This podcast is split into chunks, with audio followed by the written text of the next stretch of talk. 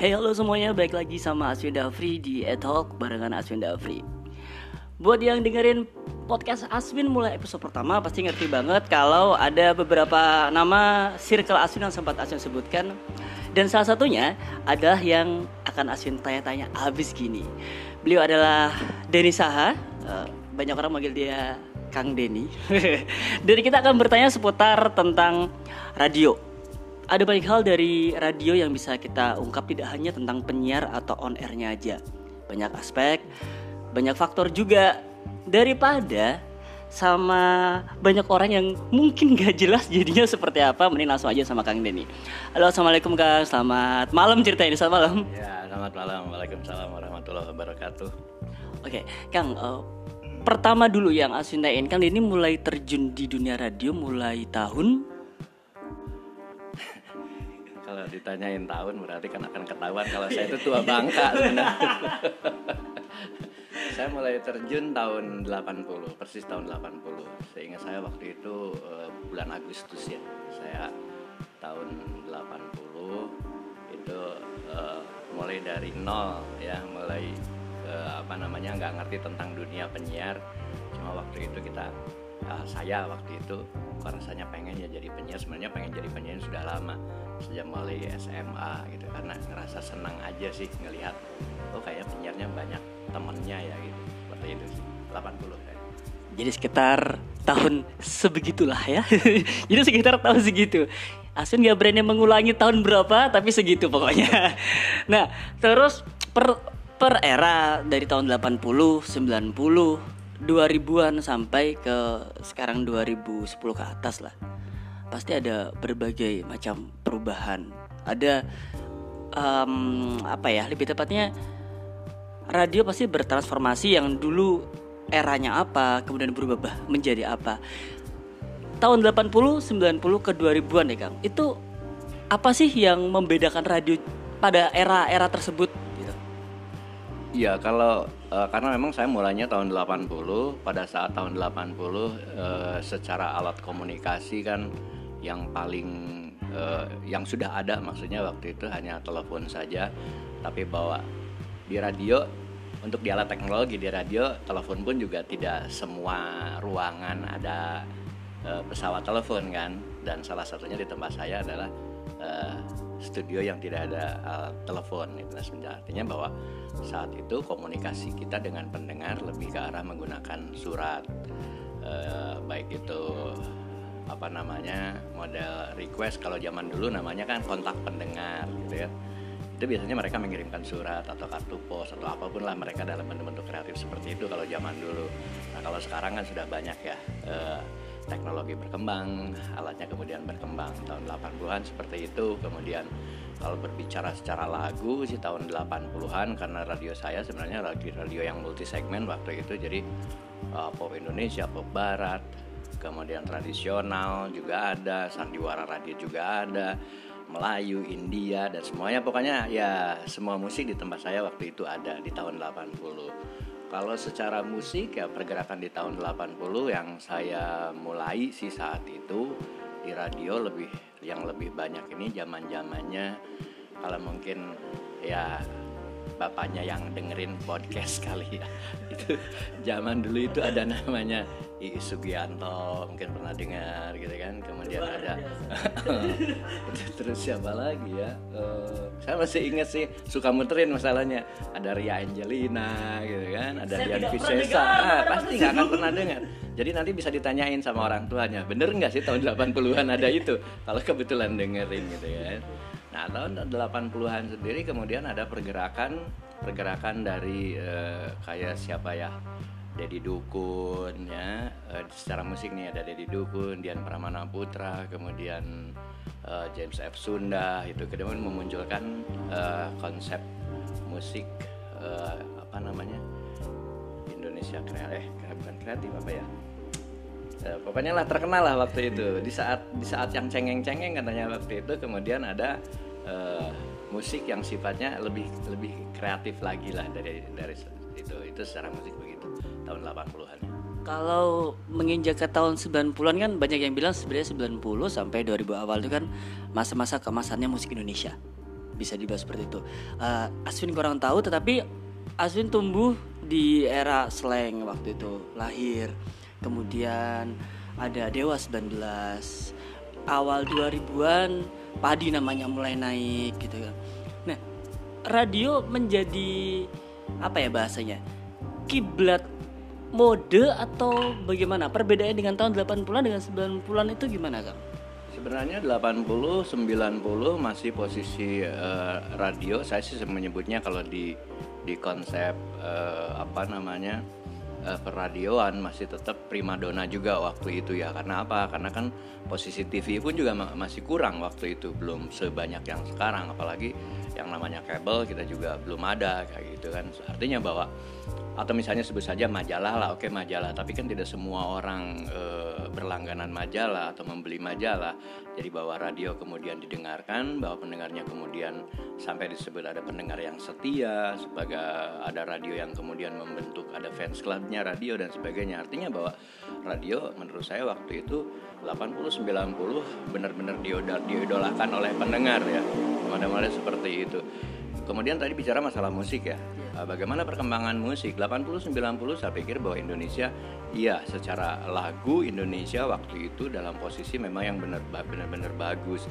Karena apa? Karena secara material memang cukup banyak artis-artis juga cukup banyak. Kemudian bahkan kan ada radio yang kemudian membuat uh, kompetisi dibikin seperti itu. Dan kemudian uh, bagusnya lagi waktu itu satu radio yang membuat kompetisi tapi kemudian materi-materinya ini bisa di record dan kemudian di share ke banyak radio dan radio lain juga ikut memutarkan. Itu yang buat saya waktu itu menarik. Indonesia waktu itu ya gak ngerasain lah ya karena saya juga orang media. Ke Indonesia cukup banyak materi. Apalagi mungkin kesulitan kenapa Indonesia waktu itu dalam posisi yang sangat bagus. Karena untuk mendapatkan lagu asing itu kan susah.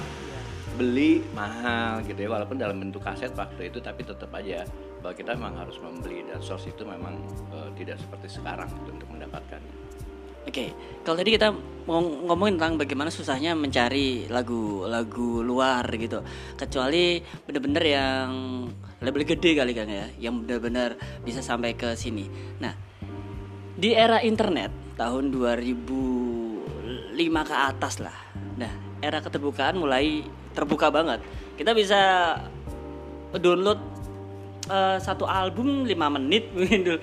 Dan uh, apalagi kalau sekarang sekarang kita bahkan di upload download kita bisa mendengarkan uh, via streaming online. Nah ke kalau kalau Asun lihat pasti ada perubahan yang signifikan sekali. Baik itu dari uh, Asun nggak tahu ya untuk saat ini konsep dari radio itu sendiri atau konsep musiknya itu sendiri atau bagaimana? Uh, sebelum kita menginjak ke pertanyaan ada yang bertanya seperti ini nih. Uh, radio akan termakan oleh zaman digital. Itu banyak yang seperti itu. Kalau secara pribadi kalau Aswin kurang setuju tetapi harus didasari oleh yang lebih berkompeten di bidangnya. Mungkin kan Denny mungkin bisa bisa menjelaskan gimana gimana? Iya uh, kita memang betul-betul sangat merasakan gitu ya. Uh, perjalanan sebenarnya saya tidak tahun 2005 gitu ya. Tapi saya mungkin uh, terganggunya radio terganggunya ini adalah sejak mulainya muncul uh, era setelah Friendster ya ada BBM waktu itu kemudian kemudian ada uh, berikut berikutnya kita ada WA ada ya apa pun lah itu yang namanya digital platform gitu. Dari situ sebenarnya radio memang mulai kerasa terutama lebih sebenarnya yang lebih kerasa ini adalah di radio-radio yang sifatnya ini pendengarnya adalah anak muda gitu. Kalau untuk radio-radio yang secara pendengarnya ini usianya sudah agak tinggi gitu uh, ya ya kategori mungkin 40-an ke atas waktu itu itu sangat tidak terganggu tidak terganggu gitu karena kebetulan ada juga radio yang ternyata pendengarnya juga masih cukup banyak dan mereka adalah memang uh, target pendengarnya yang seperti itu gitu kan nah uh, perjalanan waktu memang gitu saya ngerasanya dari 2012 2012 ke sini kita sebut saja mungkin 6 atau 7 tahun. 6 7 tahun memang kondisi teknologi di atau digital ini memang betul-betul mengganggu di radio. Bahwa apakah kemudian radio akan menjadi uh, berhenti atau radio akan menjadi mati radio betul-betul akan menyerah dengan itu. Kalau saya secara pribadi tidak gitu. Kenapa? Karena uh, saya lebih berkacanya begini. Indonesia ini kan sebenarnya ini baru lima tahun sampai dengan tujuh tahun saja nih dijajah dengan teknologi yang seperti ini sementara Amerika sudah lebih dulu dari kita atau di Eropa sudah lebih dulu dari daripada kita. Artinya saat ini sebenarnya masyarakat Indonesia masih merasa bahwa uh, apa teknologi yang seperti ini ini betul-betul sangat dibutuhkan. Masih Tapi euforia kali ya? masih euforia. Saya ngerasanya euforia gitu. Tapi kenapa? Nah lagi-lagi saya ngelihat mungkin oke lah Indonesia beda dengan Amerika. Tapi Amerika tetap stabil kok radionya tetap stabil gitu kan. Uh, orang masih butuh mendengarkan radio lepas bahwa di radionya itu ada yang hanya talk saja ada yang top 40 ada yang apa pun dan sebagainya itu radio masih tetap berdiri jadi saya masih tetap yakin bahwa ini hanya tinggal pemilik radio ini mau, bersabar apa enggak sih? Artinya sabar dalam artian sampai pada titik tertentu sebenarnya radio akan dibutuhkan lagi kok gitu loh. Hanya sekarang dalam kondisi radio merasa terganggu seperti ini ya dituntut teman-teman yang ada di radio ini berpikir caranya seperti apa? Jangan kemudian uh, apa platform platform digital ini menjadi ancaman seharusnya ya coba caranya gimana dia menjadi teman saja dibikin teman saja gitu kalau saya sih berpikirnya sih seperti itu Ya, Oke, itu tadi memang eh, sedikit banyak juga setali tiga uang sama Aswin. Karena kalau Aswin merasa bahwa satu hal yang nggak berubah adalah perubahan itu sendiri ya Kang ya. Dan kita sedang memasuki sebuah masa kaget, masa kaget teknologi, di mana sekarang semuanya serba digital, sekarang semuanya serba muda, dan ra- radio akan mengikuti itu. Bagaimanapun caranya pasti akan berevolusi ataupun berevolusi.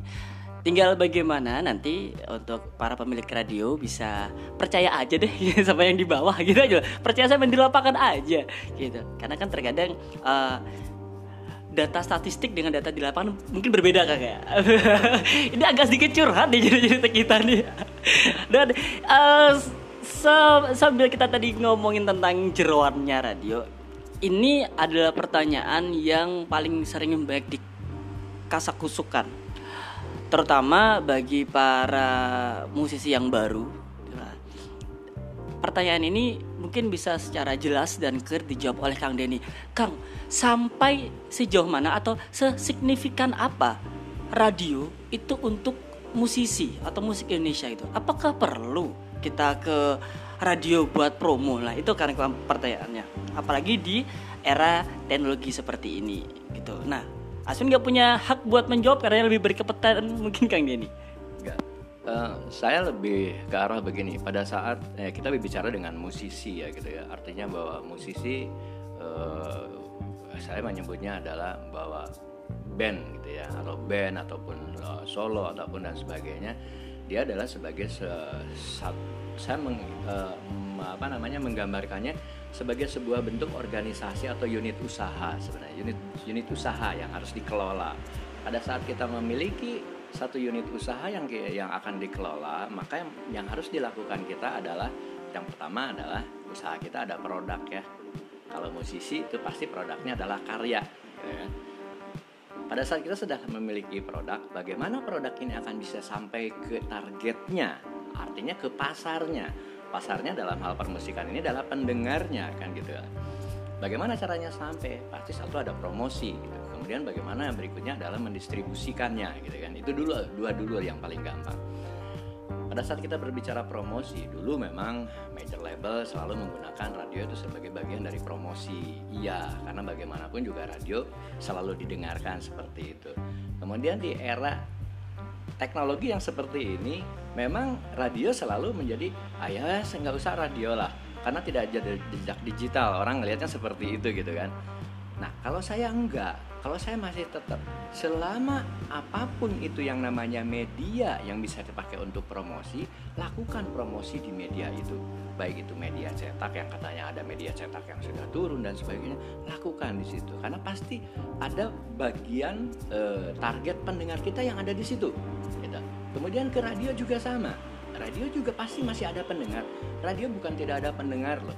Masih ada pendengar cuma memang terjadi penurunan. Artinya bahwa yang mendengarkan ada. Nah permasalahannya adalah saat kemudian para musisi ini meninggalkan radio yang jadi masalah adalah bakal ada link yang terputus loh di situ. Maksudnya begini oke mungkin secara pendengarnya berkurang tapi yang mesti diingat adalah saat saya berhubungan dengan radio kemudian eh, sebut saja radio ini memutarkan karena memang lagunya cocok dan sebagainya. Dan kemudian ada perform yang kemudian bisa dilihat oleh radio ini akan akan terlihat sebenarnya. Terlihatnya seperti apa? Seandainya radio ini punya klien yang ingin dibikinkan event maka kita pasti akan merekomendasikan. Atau kita nggak usah nyari karena yang kita tahu duluan adalah mereka yang pernah datang ke sini.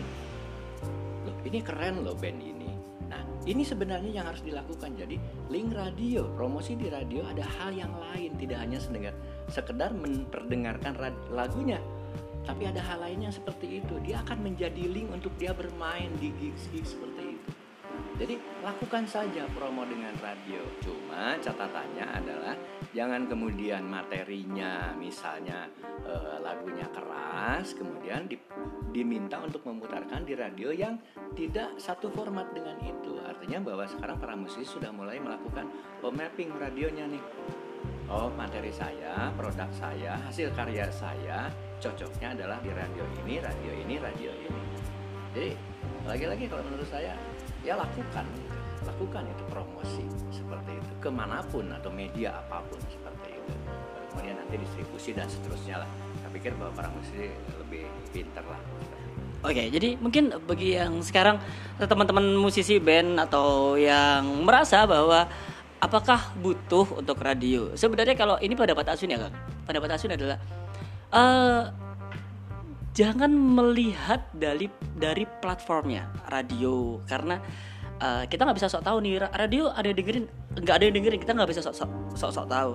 Tapi yang pasti adalah di dalam radio atau di dalam media mana pun itu ada individu-individu yang saling terkait di situ. Ada ada contoh di radio deh. Bagi yang mendengar podcast Aswin ada dua hal. Hal pertama adalah saat kalian bilang kan tidak mendengarkan mendengarkan radio, sadar atau nggak sadar saat kalian di mobil di perjalanan, pasti mendengarkan radio. Kalian sadar atau tidak sadar pasti mendengarkan radio. Entah uh, bagaimana entah itu traffic atau mungkin info terbaru yang jujur akan sangat berbahaya kalau kalian mem membuka Google gitu kan saat di jalan kan sangat sangat, sangat berbahaya. Jadi radio adalah salah satu solusinya itu satu. Yang kedua adalah radio sekarang Aswin sangat yakin tidak hanya bergerak di ranah audio. M mungkin memang prioritas di ranah audio, tapi sekarang setahu Aswin radio pasti punya sosial media. Radio juga jika ingin survive mau tidak mau di beberapa radio ada yang off air, bikin gigs, bikin live event. 3.0 ya on air, off air dan juga online. Kan sayang banget jika ada hal seperti itu nggak mau berteman nih dengan teman-teman radio gitu. Ya perbanyak silaturahmi aja gitu kali Kang ya. Gitu. Apa pun lah gitu. Atau atau ada yang mau tambahin mungkin Kang? Uh, ya.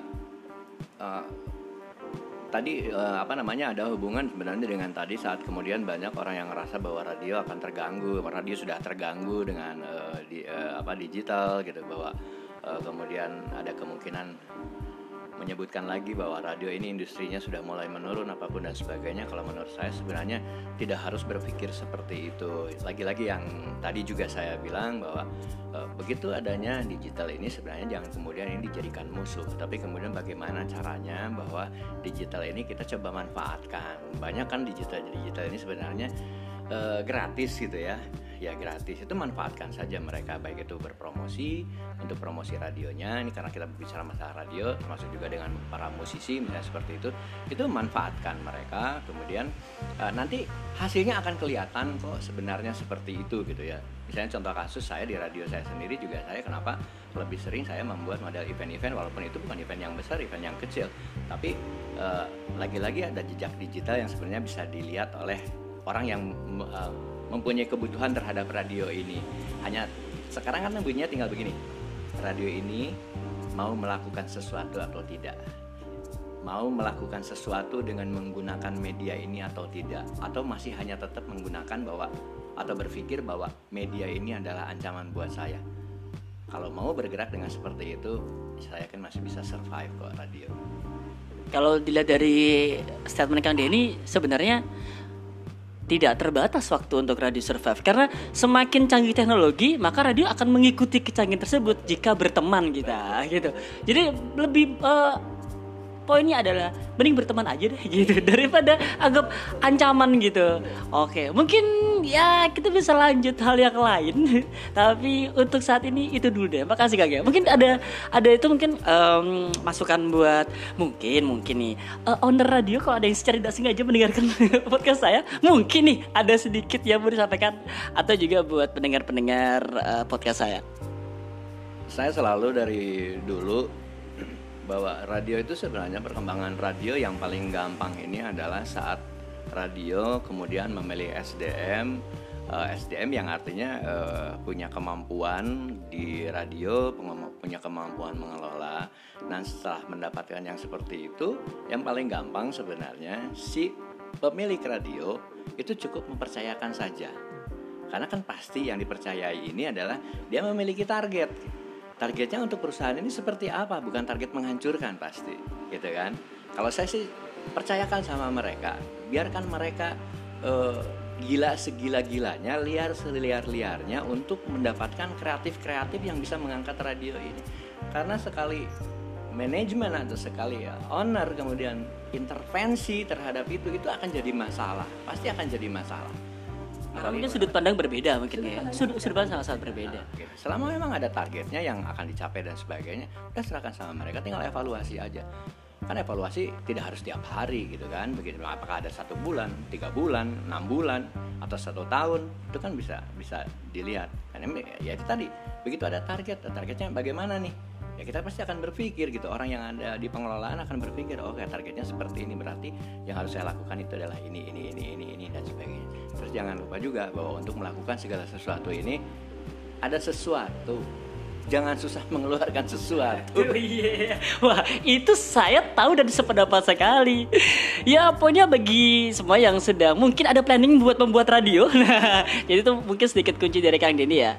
Uh, Asun ingin menambahkan mungkin jika ada pun yang harus dievaluasi, evaluasi hasilnya jangan prosesnya. Karena proses itu banyak, semua semua memiliki prosesnya masing-masing, berproses dengan cara masing-masing, yang pasti adalah hasil.